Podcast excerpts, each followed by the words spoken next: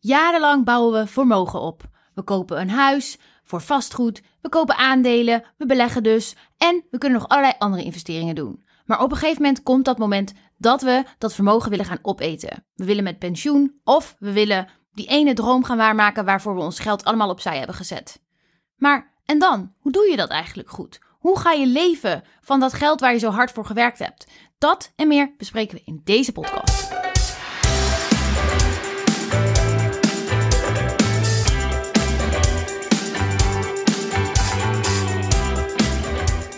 Ja, leuk dat je luistert. Mijn naam is Barbara. En ik ben Rowan. Ja, Rowan, voor het eerst in lange tijd hoorde je mij weer in de intro. Ja. Misschien zijn er nu luisteraars die denken, hè, ik luister ik wel naar de podcast van Rowan Nijboer. Ja, ja, ja. in het begin deed ik het nog wel eens, hè, maar nu was het, uh, het was even geleden. Ja, ja, maar die, die, die deed het hartstikke goed. Het was leuk om Ja. dit te doen hoor. Ja, Wij hebben een hele gave aankondiging. echt wel. Iets waar we ontzettend trots op zijn. We hebben er heel hard voor gewerkt, ontzettend veel uren en tijd in zitten. En niet alleen wij, maar ook de twee jongens die met ons werken. Ja. We hebben ontzettend ons best gedaan om voor jullie een perfect product neer te zetten. Nou, geloven we misschien niet helemaal in perfectie, maar we streven er een beetje naar. En het, het is onwijs vet geworden. Roan's portefeuille staat live en die kun je vanaf nu volgen. Dit is niet gratis voor degene die nu denkt, ah, vet. Het is wel een betaald product. Ook wij willen graag ergens van leven, maar zijn er ontzettend trots op. En je krijgt er allerlei dingetjes nog bij. Zo, eh, misschien, misschien is het leuk dat we even noemen wat er dan bij in zit. Ja, wat je krijgt is dus mijn portefeuille. Maar ook direct meldingen als ik een transactie doe. En ook als ik een nieuw aankoop doe. Zoals die masterclass van waar we het laatste keer in de podcast over hadden. Als ik een nieuw bedrijf koop, geef ik een masterclass in wat mijn beweegredenen zijn. Ja, En er zit nog een Q&A-webinar bijvoorbeeld elke maand ook, waarin je vragen kan stellen over de portefeuille, een besloten community en eh, analyses natuurlijk van alle aandelen in portefeuille. ja, en misschien even leuk om te benoemen wat je dan precies in de portefeuille kan zien. In het dashboard bedoel je? Ja. dan? Ja. Ja, je ziet bijvoorbeeld de koersstijgingen vanaf het moment dat ik ze gekocht heb, de weging van de verschillende posities en nog heel veel informa meer informatie over de individuele posities. Ja, en even voor de duidelijkheid. Je ziet niet om welke bedragen het gaat, hè? Want Nee. daar staat, daar gaven sommige mensen alweer een knipoog over. Ja, die Kan ik nog niet zien hoe rijk je bent. Ja. Dat Ja. niet. In percentages weergeef je wat er in portefeuille zit. ja. Zo is mijn, eh, mijn geld eigenlijk belegd. Vrijwel al mijn geld naast een spaarbuffer. Ja, en als je wilt kun je dus exact volgen. Je krijgt een melding bij transacties die jij doet. En jij je geeft al je beweegredenen. Dus je neemt iemand echt mee in jouw beleggersreis. En die kun je vanaf nu dus volgen. Ja, Dat kost 247 euro. En dan kun je een jaar lang meekijken. En krijg je al die dingen erbij in die we net noemden. Mocht je dat nou interessant vinden en meer willen weten, kijk dan op www.roannijboer.nl slash roansportefeuille. Of als je gewoon naar roannijboer.nl gaat, dan kan je het ook wel vinden. Ja. Of check de shownotities en daar staat de link ook in. super. Ja, Ja, gaaf ik, ik vind het echt heel stoer. Ik, vind, ik, heb, ik heb wel lang ook getwijfeld, gaan we dit op deze manier doen met mijn portefeuille? Ik ben toch ook een beleggingstrainer, ik wil mensen leren beleggen. Maar ik snap ook dat heel veel mensen niet die tijd hebben wat ik heb. En dat ze dan nog gewoon in een kijkje in de keuken kunnen kijken bij mij. En het is natuurlijk allemaal geen advies. Je, moet, je bent zelf verantwoordelijk voor je beleggingen. Maar ik vind het wel heel erg leuk dat er nu al zoveel mensen zich al hebben aangemeld. Ja, en wat ik er echt heel bijzonder aan vind, wat, wat misschien moeilijk voor mensen te bevatten is, maar ik zie het elke week, hoeveel uur jij stopt in het analyseren van die aandelen. Ja, en je kunt daar nu gewoon op meeliften. Dat Ja. jij zoveel uur onderzoek doet en zo lang een aandeel bestudeert. En dan kan je gewoon, ja, die informatie die krijg je dan gewoon, die analyse. Ja, dus ik, ik kan eigenlijk gewoon mijn passie delen. Dat, Ja. dat is het. Ja. Ja. Ja. Oké, nou, wij gaan beginnen met de podcast. ja. Deze aflevering gaat over hoe kun je nou ja, leven van je, niet alleen beleggingen, maar eigenlijk van het vermogen dat je opbouwt. Ja. Hoewel wij natuurlijk wel een beetje gespecialiseerd zijn in beleggingen. Maar we trekken het wat breder. We kijken gewoon naar het algemeen. Hoe ga je nou om met vermogen dat je opbouwt als een moment er komt dat je eigenlijk dat vermogen ja, moet gaan gebruiken? Ja, ja. En dat is een vraag die mij nog niet heel veel bezig heeft gehouden. Ik ben 34, dus ik heb nog heel lang. eh, ik, de gemiddelde luisteraar zit ook om, omstreeks eh, deze leeftijd, denk ik. Maar er zijn ook wat oudere luisteraars die deze vraag hebben. En ik kan me heel goed voorstellen dat veel mensen van deze leeftijd denken van... Ja, hoe ga ik dat nou doen? Hoe ga ik nou zorgen dat ik bijvoorbeeld een paar jaar eerder met pensioen kan? Of wat, je, wat jij in die intro zei, die, die droom realiseren. Ja, en wat ik ook nog wel interessant vind is... even nadenken over hoeveel heb ik nou echt nodig voordat ik met een goed gevoel bijvoorbeeld met pensioen kan. Wat moet er dan echt op mijn bankrekening? Nou, nee, misschien wel beleggingsrekening staan. Ja. Ja. ja. Zonder dat je natuurlijk alles gelijk opmaakt.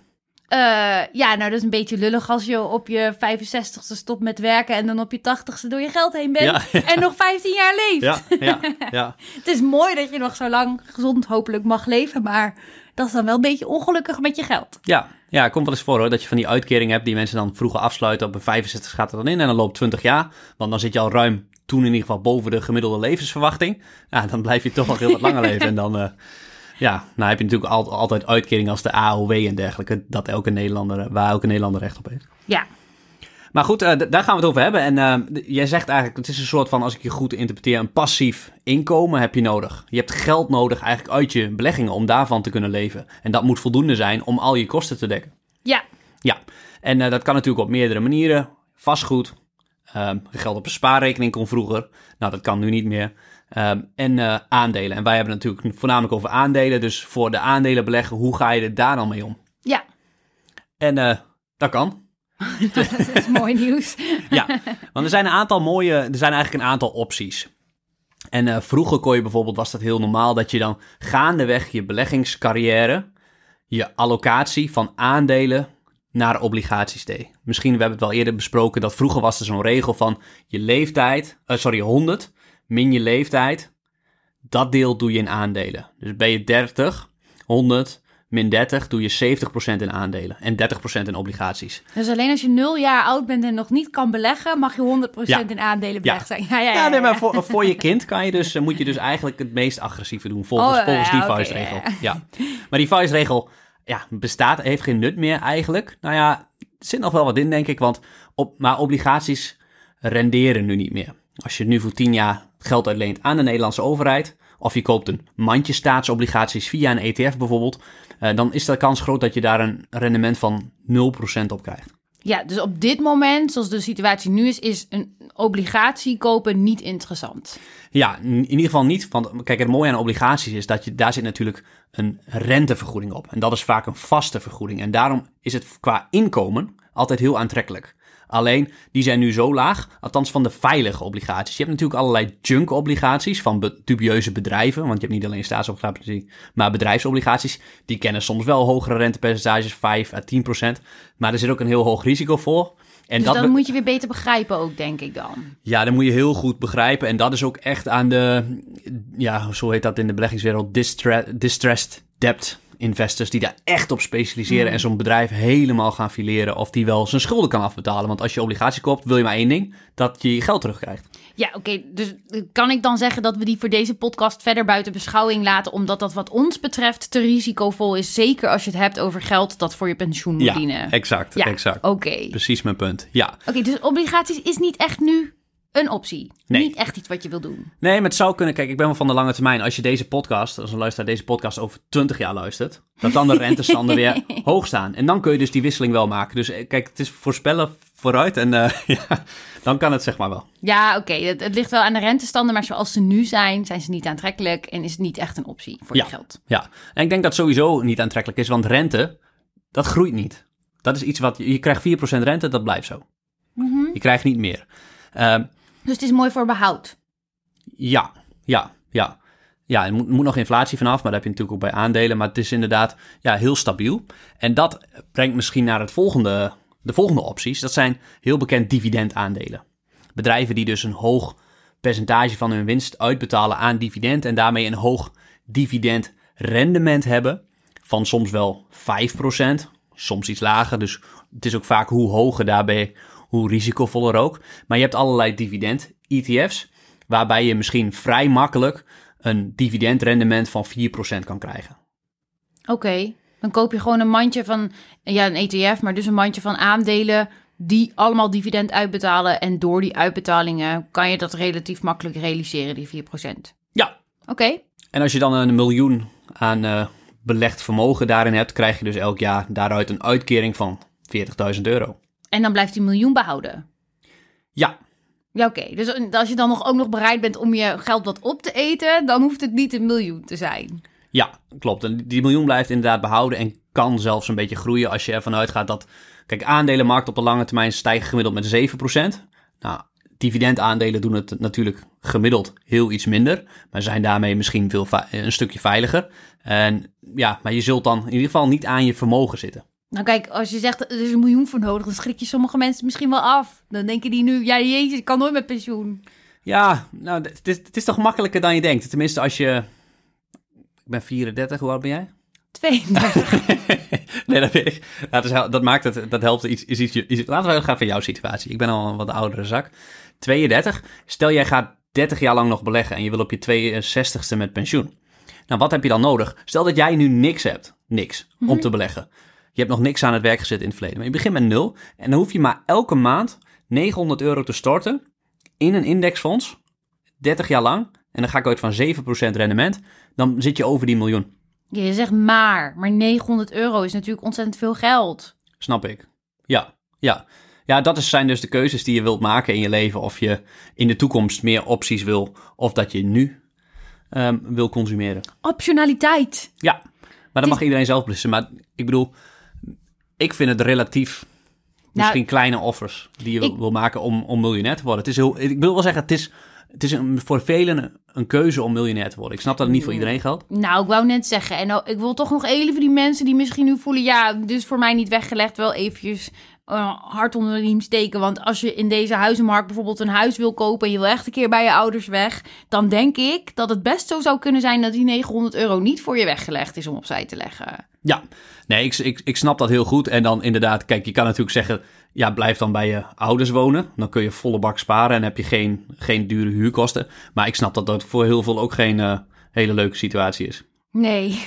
Nee, dus... eh, Oh, ik weet niet of je dat mag zeggen, maar ik wou zeggen, ja, zeker als je jezelf nog een keer op de huwelijksmarkt wilt presenteren en zo, dan vindt een vrouw dat over het algemeen toch niet de meest aantrekkelijke situatie Ja. als je nog bij papa en mama woont. zou jij dat trekken? Als jij nog bij papa en nee, mama nee, woont. jij. Ik bij bij, jou- mijn bij je ouders. Ja, ja, ik wil, ik wil zelf niet eens een vraag beantwoorden. Oké, nee, sorry papa, mam, ik vind jullie heel lief, maar daar zou ik niet mee gaan. Nee. Nee, ik ben te eigenwijs en onafhankelijk inmiddels. Nee. Dat, eh, nee. Nee, ik, en ik wil benadrukken dat ik snap, sommige eh, moet je dan heel extreme keuzes maken om die 900 te sparen. En voor sommigen is dat ook gewoon echt niet weggelegd. En er is ook echt een tweedeling in de maatschappij tussen, hoe ze dat noemen, de haves en de have-nots. Als je geen huis hebt of een huurhuis hebt, dat, dat maakt zo'n verschil uit de afgelopen jaren. En eh, ja, Nou, en ook als je 2000 euro in de maand verdient, dan is 900 natuurlijk een bizar hoog bedrag. Ja, Zeker als je bijvoorbeeld kinderen hebt je moet ook nog een kinderopvang, dat soort dingetjes. Nou, dan, ja, dan is het best wel... Dus stel dat je 450 kan doen en je bent echt dedicated en je wilt dit en je legt 450 euro opzij in de maand. Hoe ver kom je dan? Want dan laten we dan even voor het gemak uitgaan. Heb je een stuk minder, want je hebt minder. Je bent, ik was geneigd te zeggen, ja, dan heb je een half miljoen. Maar dat is niet zo. Want er zit natuurlijk dat rende, rendement op rendement effect in. Eh, ja, maar in dit geval is eh, je nominale inleg in euro's gaat van 900 naar 450, kom je dan wel precies op de helft uit. Is dat zo? Ja, ja. Alleen als je gaat, scha- gaat eh, schakelen aan dat rendement of aan de jaren, dan, dan gaat het totaal verschillen.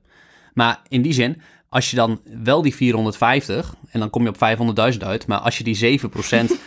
je, scha- je schaam je een beetje nou? Ja, ik, moet, ik ga gelijk flashbacks naar mijn wiskunde, waar zo'n 4 op prijkte op mijn einddiploma. en nu snap ik precies weer waarom.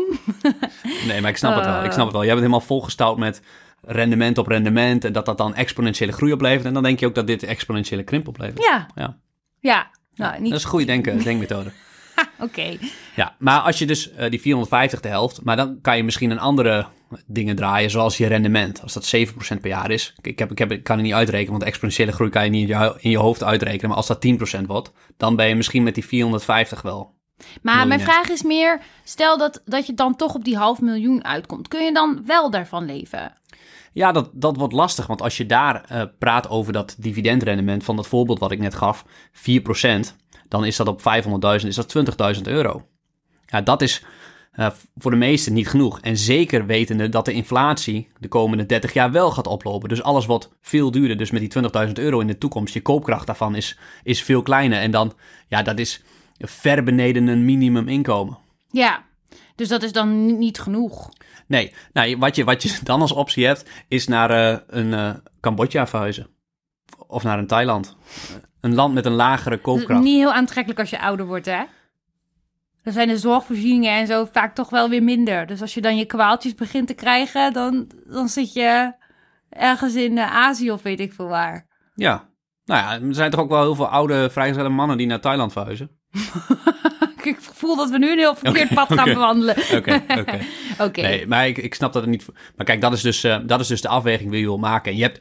Kijk, ik heb geen illusie dat wat je wel eens hoort op, eh, in de media of in, in reclames... dat je op een hele makkelijke manier financieel onafhankelijk kan worden. Daar geloof ik helemaal niet in. Eh, ik- niemand wil langzaam rijk worden en dat is het... Ja, dat is het probleem. Daar gaat het bij veel mensen mis. Iedereen wil snel rijk worden.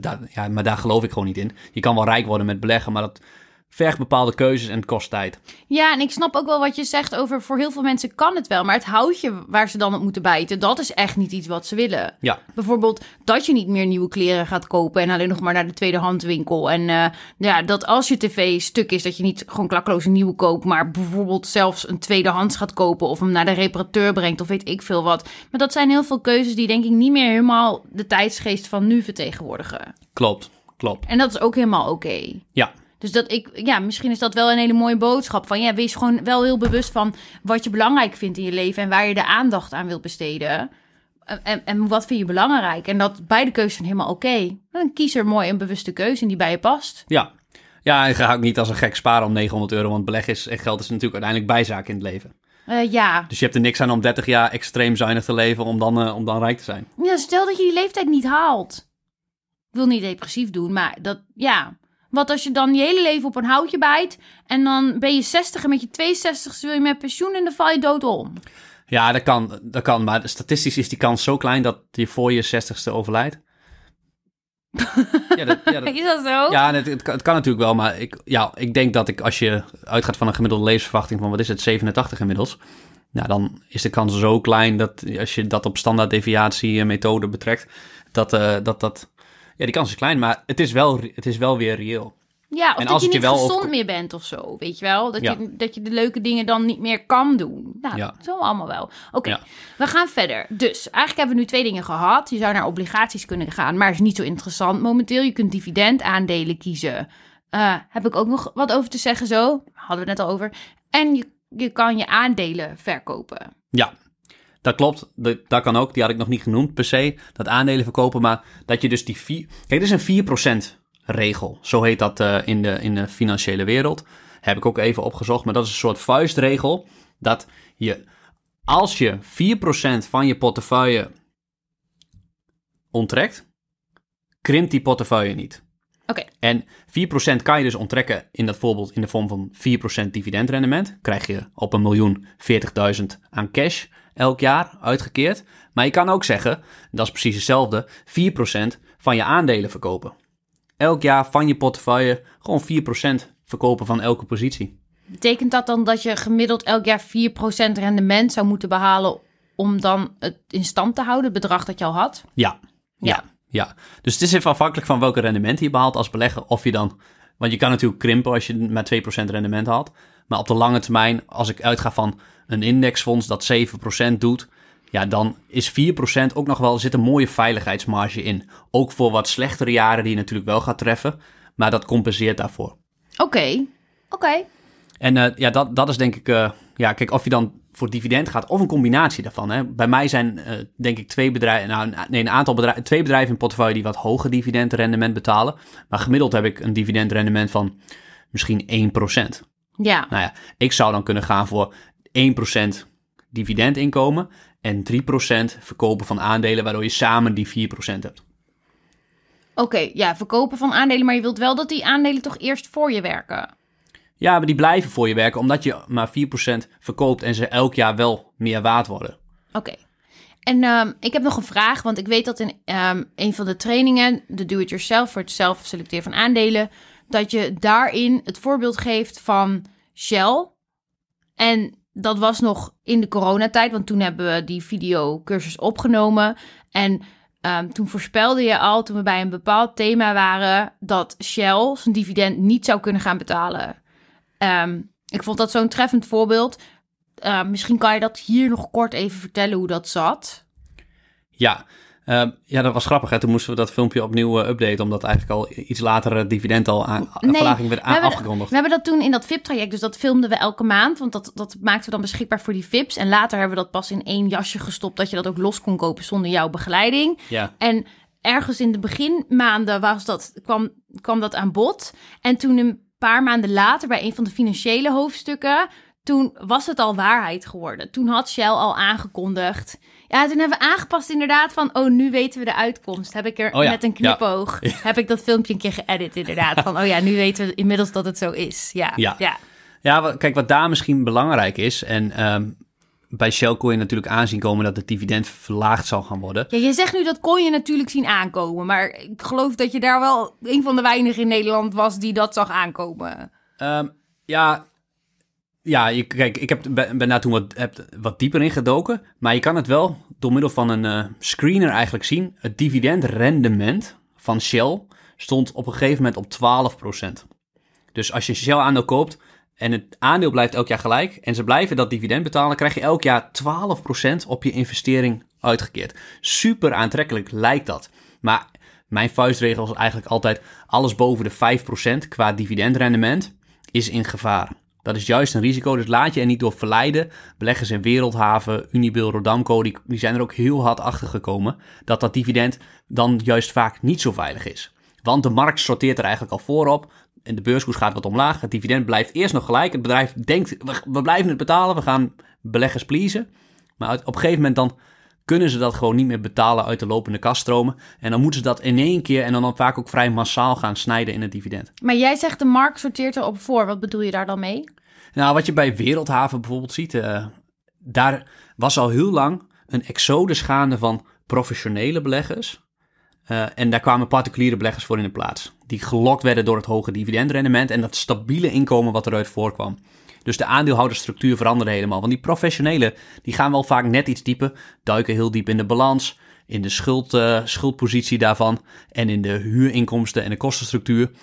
En dan kun je eigenlijk al een beetje zien aankomen, ja, dit gaat knellen, dit gaat knellen. Want waar zie je dat dan aan?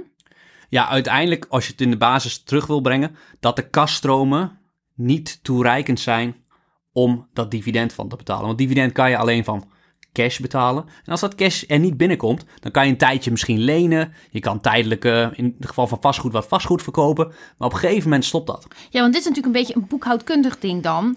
Want het leuk als een bedrijf zegt, we maken zoveel winst. Maar, maar winst is niet per se wat er op dat moment op de bankrekening staat. Nee, nee. Met winst kan je geen dividend betalen. Nee, dat gaat echt om de, om de harde cash in portefeuille. Die is soms heel anders dan wat de winst voor een jaar afgeeft. Ja, ja, zeker. En als die dus te laag is voor de hoeveelheid dividend die over de uitstaande aandelen betaald zou moeten worden, dan kan het niet. Klopt. En uh, jij zag dus al van, nou, dit gaat wel heel. Uh, dan brengt Shell eigenlijk zijn eigen um, levensvatbaarheid in gevaar. Ja, dan gaan ze eerst. Ze hebben eerst een tijdje geleend om, uh, om dat te kunnen blijven betalen. En dat is heel, heel gevaarlijk.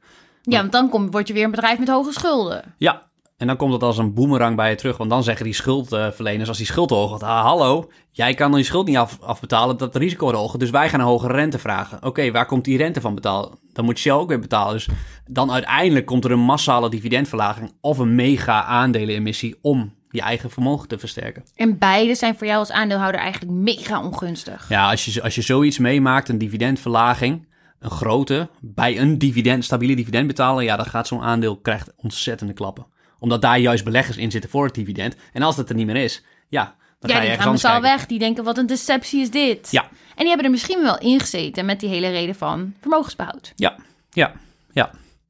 Maar goed, uh, niet dat dividendaandelen niet goed zijn hiervoor. Ik denk er zijn bijvoorbeeld heel veel hoog dividend ETF's met een gemiddeld dividendrendement van 4%, misschien van nou, 4% zou ik zeggen. Uh, heel veel REITs bijvoorbeeld, dat zijn vastgoedbedrijven, Real Estate Investment Trust, die hele stabiele inkomsten hebben en daarmee nog mooi dividend kunnen uitbetalen. Waardoor dat een heel mooi inkomen kan zijn als je bijvoorbeeld een miljoen hebt en dan die 4%. Maar die 4% regel is denk ik heel handig voor mensen om te onthouden. Als je, als je ooit in die afbouwfase komt en je onttrekt 4% in totaal aan je portefeuille, dan wel dividend, dividenden, dan wel aandelen verkopen, dan krimpt je portefeuille nooit. Oké, stel nou dat je er ook een huis bij hebt, waarvan je hebt geaccepteerd, ik heb dit gekocht en dit hoort ook bij mijn pensioen. Hoe ga je daar dan mee om in dat plaatje? Ja, dat, dat, weet, dat is van de situatie natuurlijk afhankelijk. Eh, dat is extra vermogen. Eh, je zou de...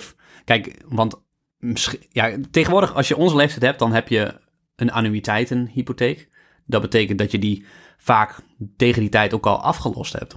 Of in ieder geval voor de helft. Dat ligt aan welke hypotheek. Dus tegenwoordig doen ook steeds meer mensen wel een aflossingsvrije hypotheek. Omdat ze veel, door die lage rente veel minder goed profiteren van de hypotheekrenteaftrek. Kan heel lonend zijn om eh, over te sluiten trouwens.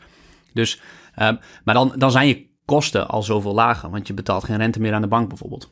Dus dan heb je misschien ook mindere kosten. Heb je dus minder inkomen nodig uit je passieve portfolio. Oké, maar dan heb je weer niet dat huis op latere leeftijd. Ja, nou wat je ook wel eens ziet, en eh, ik denk dat daar ook een markt voor is voor een nieuwe verstrekker, die dan aan mensen die wat ouder zijn, die wel het huis helemaal afgelost hebben, maar geen passief inkomen hebben, dat je die juist gaat zeggen, hé, hey, jouw huis is 3 ton waard, wij lenen jou 200.000. Nou, heeft diegene 200.000, heeft hij dan 10 jaar om, dat, eh, om, om een extra buffertje om dat op te maken. En dan eh, ja, gaat zo iemand de pijp uit en dan wordt het huis verkocht en dan heeft niemand meer schulden. Oké, dus dat is ook nog een alternatief waar je gebruik van kan maken. Ja, ja, bedenk ik me nu. Hè. Ik heb er niet heel goed over nagedacht. Maar eh, ja, lijkt, me- lijkt me. Ja, je kunt je eigen huis bij dan aan het opeten, als het ware. Ja, Ja. En dat, is, dat is denk ik prima, want anders ga je met die, dat huis van 300.000 ga je ja, je graf in of je kinderen krijgen. Dat is natuurlijk ook prima. ja. Nou ja, ja, dat is heel mooi. Maar het is natuurlijk vooral belangrijk dat je zelf een goed leven kan blijven leiden ook. Als je wat ouder wordt. Ja, ja, ja. dat is ja. wel fijn. Uiteindelijk als je, leef je voor jezelf, dat je zelf gelukkig bent. Als je zelf niet gelukkig bent, kan je ook niemand in je omgeving gelukkig maken. kijk, ik zie zo voor me dat je oprecht minder behoefte hebt aan een heleboel dingen als je wat ouder wordt. Maar dat je gewoon een mooi plekje hebt op een veilige plek met, met verwarming en zo. Dat soort basisbehoeftes, dat lijkt me toch wel essentieel. Dat je dat gewoon prettig kan betalen zonder je elke maand op je hoge leeftijd te hoeven afvragen of dit allemaal wel goed komt. Ja, ja. Dat lijkt me niet de bedoeling. ik zie jou wel in zo'n bejaardenhuis lopen met zo'n eh, rollator. Ja, een beetje de boel op stel te zetten. Ja, ja. ja. Ik heb daar wel eens gewerkt toen ik nog jong was. Als, eh, toen ik nog jong was, hoor mij. Als, eh, als, als bijbaantje. Die mensen die maken een lol. Ik vond dat echt fascinerend. Je ziet gewoon heel veel verschillen. Sommigen maken er echt een feestje van. Zitten ook met elkaar te flirten en zo, die oude, Ja, oude ja, ja, ja. Ja, en ja, sommigen lopen er wat depressiever rond. Maar ja, ja dat, is ook, dat is ook een keuze, denk ik. Ja. Oké, nou beda- bedankt. Ja, dat, dat leek me best gezellig. Er is nog één mogelijkheid, bedenk ik me. Oké, Want we hebben het over dividend en die hoogdividend ETS bijvoorbeeld, of hoogdividend aandelen. De, het merendeel daarvan weet het dividend niet echt te verhogen. oké. Maar je hebt dividendaristocraten, hebben we ook wel eens eerder besproken in een podcastaflevering. Bedrijven die elk jaar hun dividend verhogen. Ja, dat is nummer 23 over dividend en dividendbelasting. Oh, scherp van je. En ehm, ja, die dividendaristocraten, je hebt ook wel een ETF daarvan. Eh, bijvoorbeeld de SPDR, dat is van eh, State Street. Eh, de ticker GLDV, dat zijn bijvoorbeeld de wereldwijde dividendaristocraten. En zo heb je een aantal ETF's daarover. Daar zitten bijvoorbeeld bedrijven in die al 25 jaar lang elk jaar het dividend verhogen. Dus als je dan, ik sprak de hele tijd over een dividendrendement van 4%, maar als je zo eentje koopt, dat dividendrendement zit nu denk ik wat lager, maar doordat dat elk jaar omhoog gaat, heb je niet alleen dat vaste inkomen, maar heb je ook groei op dat inkomen. En dat is heel erg aantrekkelijk. Je zegt dat zit nu wat lager, ik snap het niet. Ja, het dividendrendement van een gemiddelde dividendaristocraat. Want wat voor type bedrijven moet je dan aan denken? Dan spreek je van een Johnson Johnson, een 3M, waarschijnlijk ook een Coca-Cola. Hele sterke bedrijven die altijd een mooi dividend betalen, maar ook wel wat steviger aan de prijs zijn en daardoor gemiddeld een wat lager dividendrendement hebben van 2, 3 procent. Maar dat dividend wel elk jaar met 5 à 10 procent verhogen, waardoor op een lange termijn ja, dat dividend, dat inkomen gewoon groeit. Oké, oké. Dus dat is dan een leuke optie om naar te kijken. Ja, en dat beschermt je ook wat tegen inflatie. Want dat dividend, als dat groeit jaarlijks met 10%, groeit dat inkomen harder dan de inflatie. Want als ik uitga van een 2-3% per jaar. En dan blijf je dus die inflatiecorrectie voorbij. Want kijk, als je nu een miljoen hebt, sorry, als je een miljoen wil hebben in de toekomst en daar 40.000, dat voorbeeld dat we gebruiken, ja, die 40.000, dat is niet zo, daar kan je niet zo heel veel meer verkopen.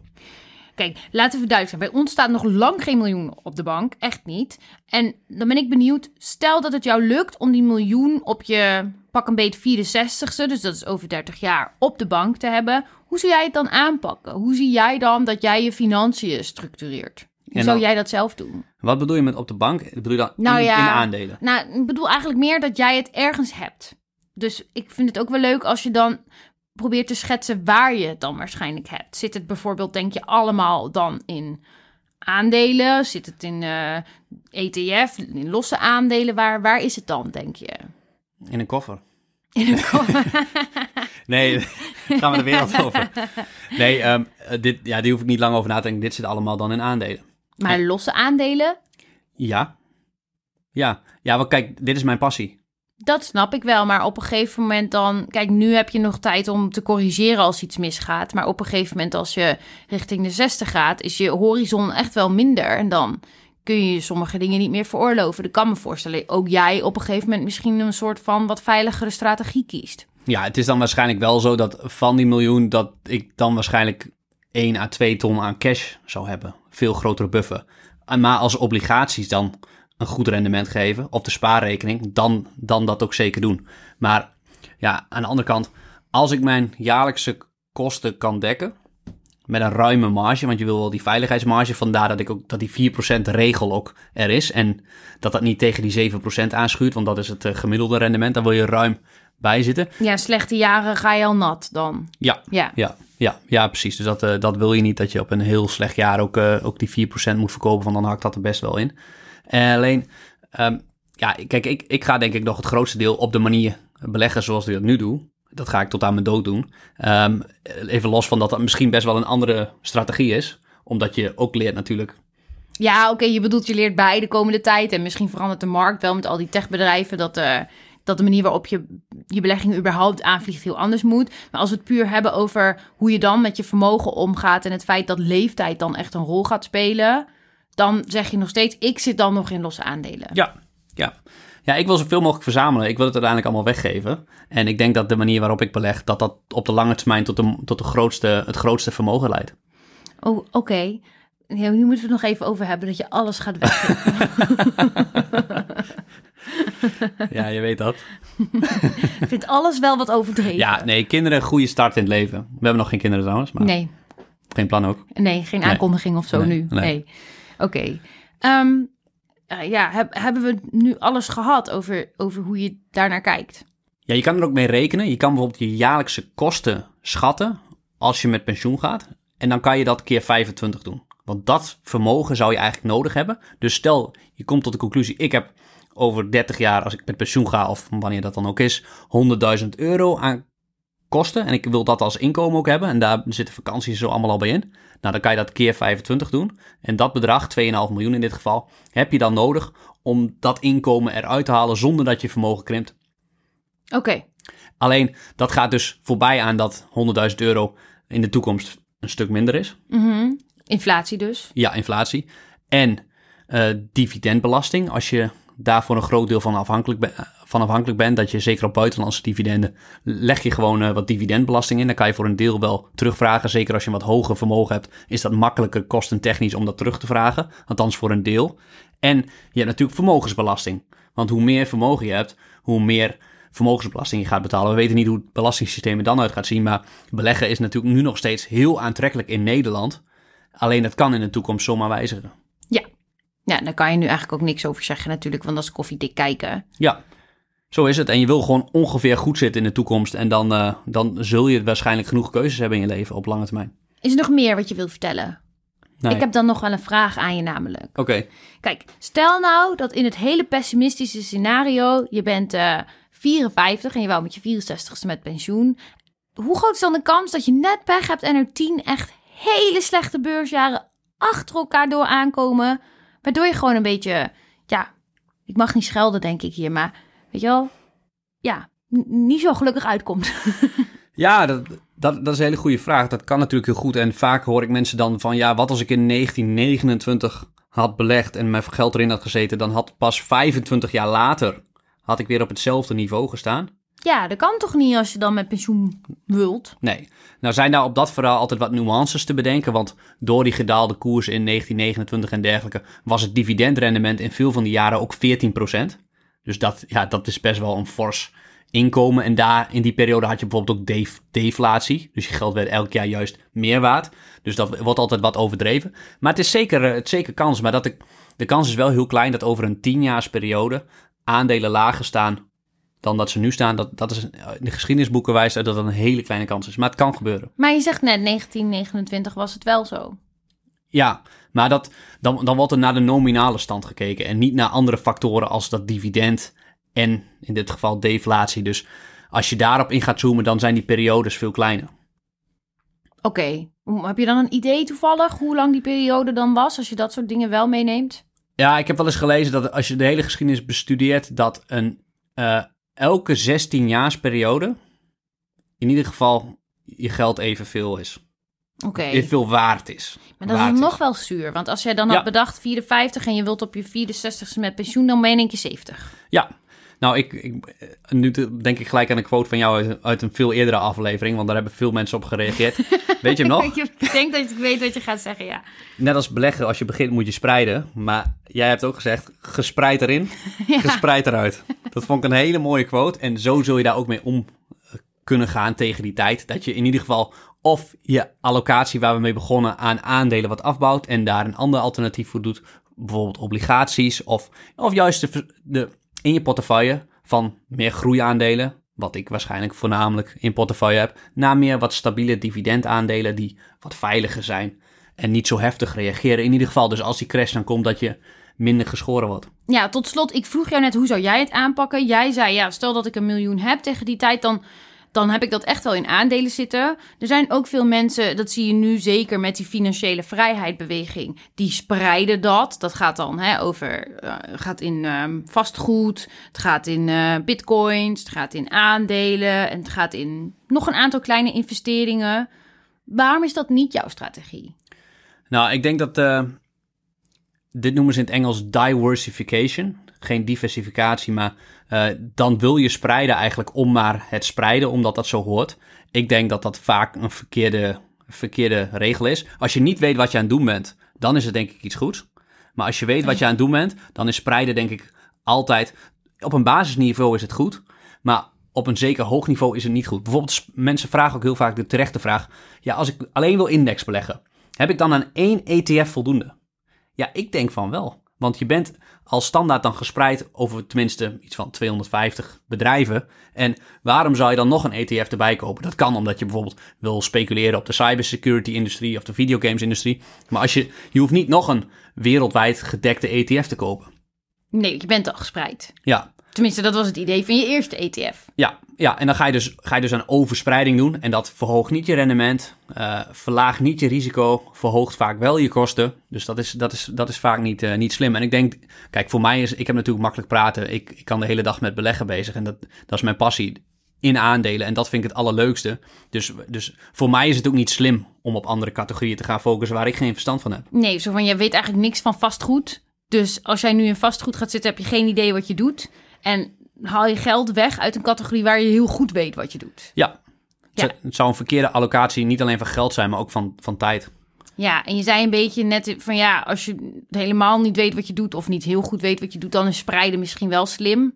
Ik denk dat ik toch wil zeggen hier, misschien is het goed om je dan op één categorie te focussen en daar wel echt meer van te leren begrijpen. Ja, dat, is altijd, dat gaat altijd boven alles een beetje half doen. Dat bedoel je eigenlijk. Ja, Ja, ja. En, en, en je ziet nu met die hele financiële vrijheid. Ja, een beetje van dit, een beetje van dat, een beetje van zus. En dan denk ik van... hmm, misschien is het slimmer als we met z'n allen gewoon één ding dan even heel goed doen. En als je het gevoel hebt, oké, dit snap ik nu echt. Dat je dan het andere ding er ook bij kan gaan doen. Maar dat je dan niet all over the place bent. En het eigenlijk allemaal net wel of vooral net niet weet. Ja, ja. Oké, heb je echt nog iets toe te voegen? Want anders denk ik dat het het alweer was. Dat was hem alweer. Oké, nou dan wil ik nog één keer zeggen dat wij heel erg blij zijn dat Roland's portefeuille Ja, live te volgen is. Dus ga vooral naar onze website rolandnijboer.nl slash. Als je hem wilt volgen, ehm, wij zien je in elk geval graag in dat product. En eh, we hopen dat je de volgende keer weer luistert. Tot de volgende keer. Tot de volgende keer, bedankt. Doeg!